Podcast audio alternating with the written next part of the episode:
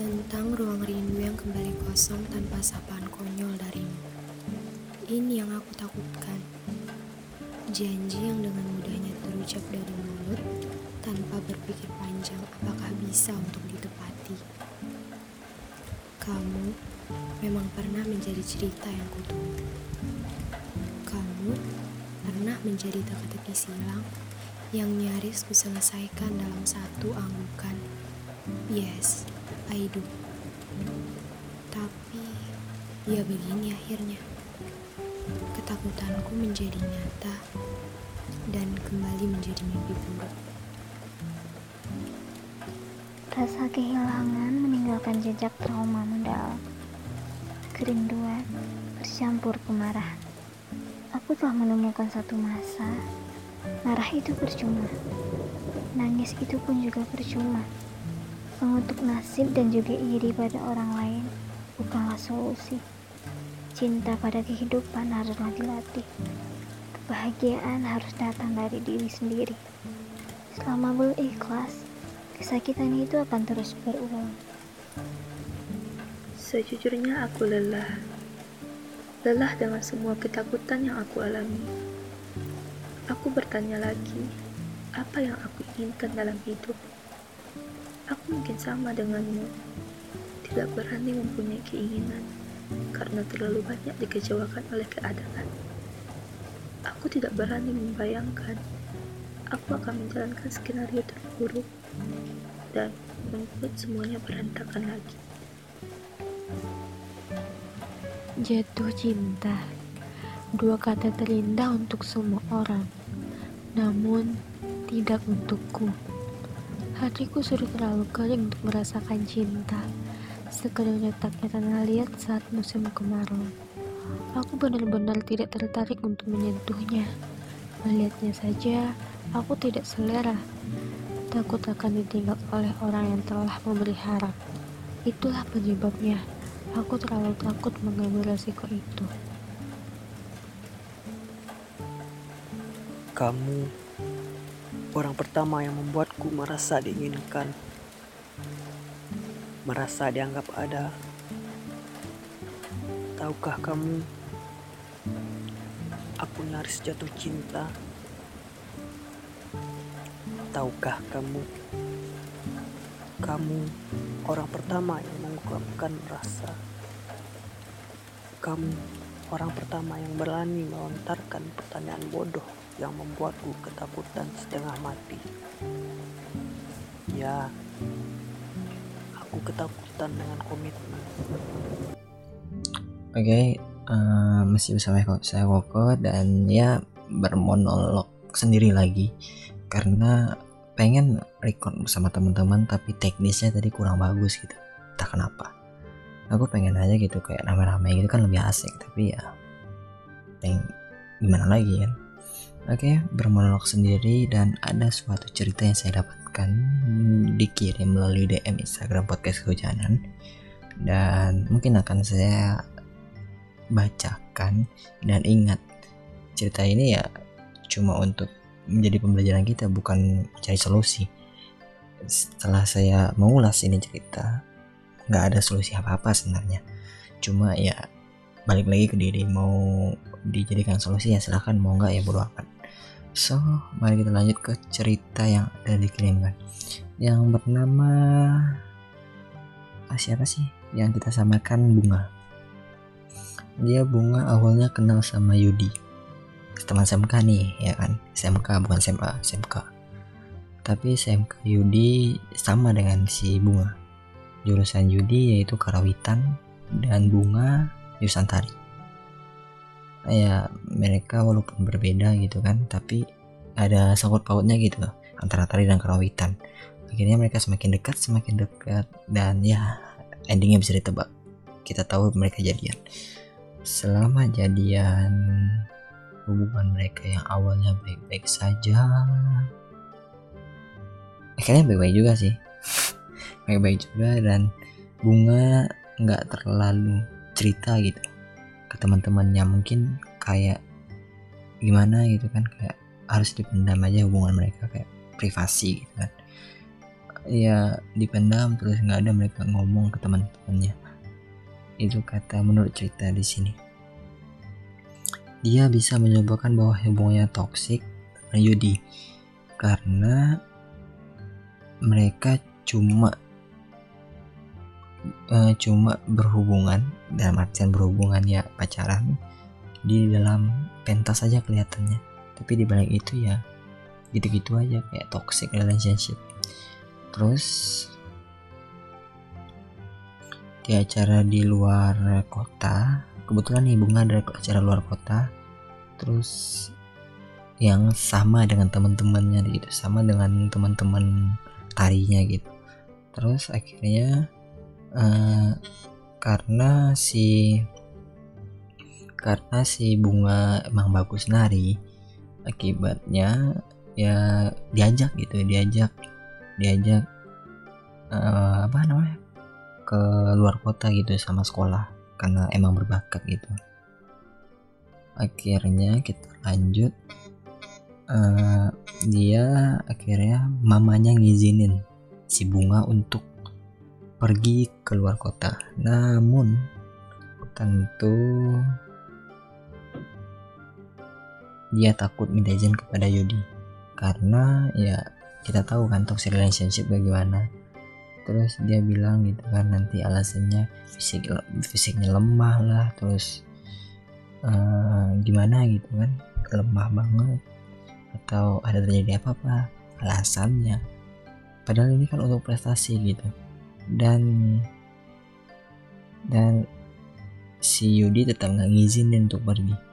Karena ya masih alasan sama dan dan si bunga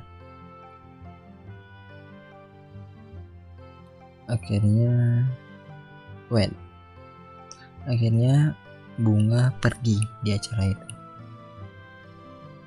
Walau efeknya kayak gitu kan. Efeknya kita tahu dia bakal dimarah-marahin. Walaupun seperti itu dia tetap pergi. Pergi diam-diam akhirnya kalau marah ya berantem kebaikan lagi. Sampai akhirnya mereka ngajak lagi si bunga untuk dalam kota narinya. Mereka secara mereka kan anak tari gitu kan. Mereka mereka nari gitu mereka nari. Mereka nari di dalam kota yang diselenggarakan oleh orang lain dan di dan di masih disewa ya. Kalau penari-penari itu kan bisa disewa gitu. Akhirnya dia si dia minta izin ke mamanya tentu diizinkan si bunga. Akhirnya minta izin ke Yudi. Ternyata nggak izin ya. Nah ada satu temennya nih ngomong gitu. Kok semua yang ya, yang di, dilarang semua yang dilarang gitu kan semua yang dilarang oleh Yudi kok bikin kita nggak bisa ngapain ya? Dan akhirnya ada temannya satu orang yang nyaranin kalau nggak dibolehin ya coba aja ajak si Yudi. Siapa tuh nggak mau gitu kan. Akhirnya dengan pikiran yang seperti itu Yudi mengiyakan mintanya si bunga. Akhirnya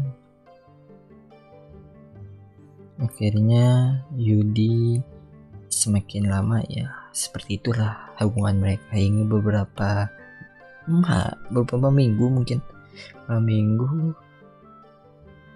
hmm, ada suatu ketika Yudi cemburu banget pas tahu bunga deket sama cowok gitu. Tiba-tiba tanpa alasan basa-basi dia tiba-tiba diem gitu.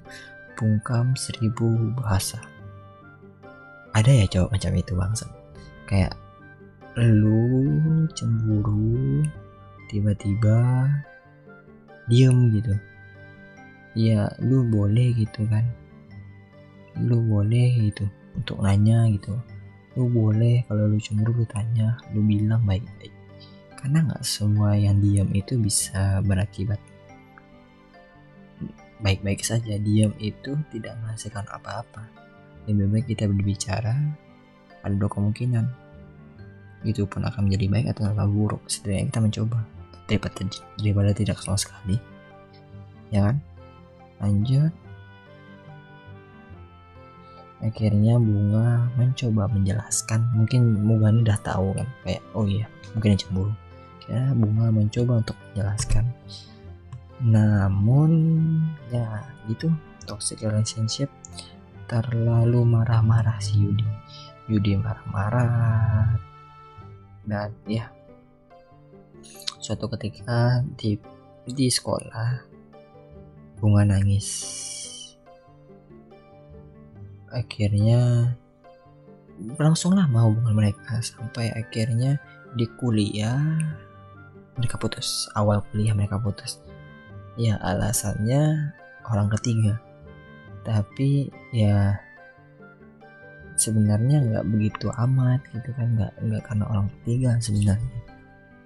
Ya si bunga kan si bunga menjelaskan bahwa yang dimaksud orang ketiga itu adalah temannya SMK teman ya teman barunya di SMK dan dia udah kenal karena saat dia udah jadian sama Yudi. Karena dia jadian sama Yudi ya dia juga perasaan gitu. Dia nggak mau macam-macam sebenarnya. Tapi karena Yudi terlalu terlalu posesif dan ya gitu yang mikirnya udah macam-macam gitu kan. Akhirnya pas udah putus dari Yudi ah, bunga komunikasi lagi sama cowoknya yang baru yang dia kenal pas SMK yang dikatakan orang ketiga. Sebenarnya itu bisa jadi alasan orang ketiga tapi awalnya kan si si bunga kan nggak niat. Ya namanya cowok kalau ada kesempatan ya digas gitu kan. Akhirnya nggak lama setelah itu eh, bunga melampiaskan curhatannya dan beberapa ceritanya ke cowok barunya ini. Kita anggap aja Freddy. Cowoknya Freddy. Terus dia curhat segala macam Freddy Freddy penopan dan kembali diajak jalan-jalan terus ke mana gitu. Sampai akhirnya mereka jadian. Happy ending. Dan sampai sekarang. Semoga sampai pernikahan. Amin. So cerita yang tersebut itu realita dari seseorang yang dikirimkan di DM so cerita yang cukup biasa saja sebenarnya tapi complicatednya karena toxic relationship.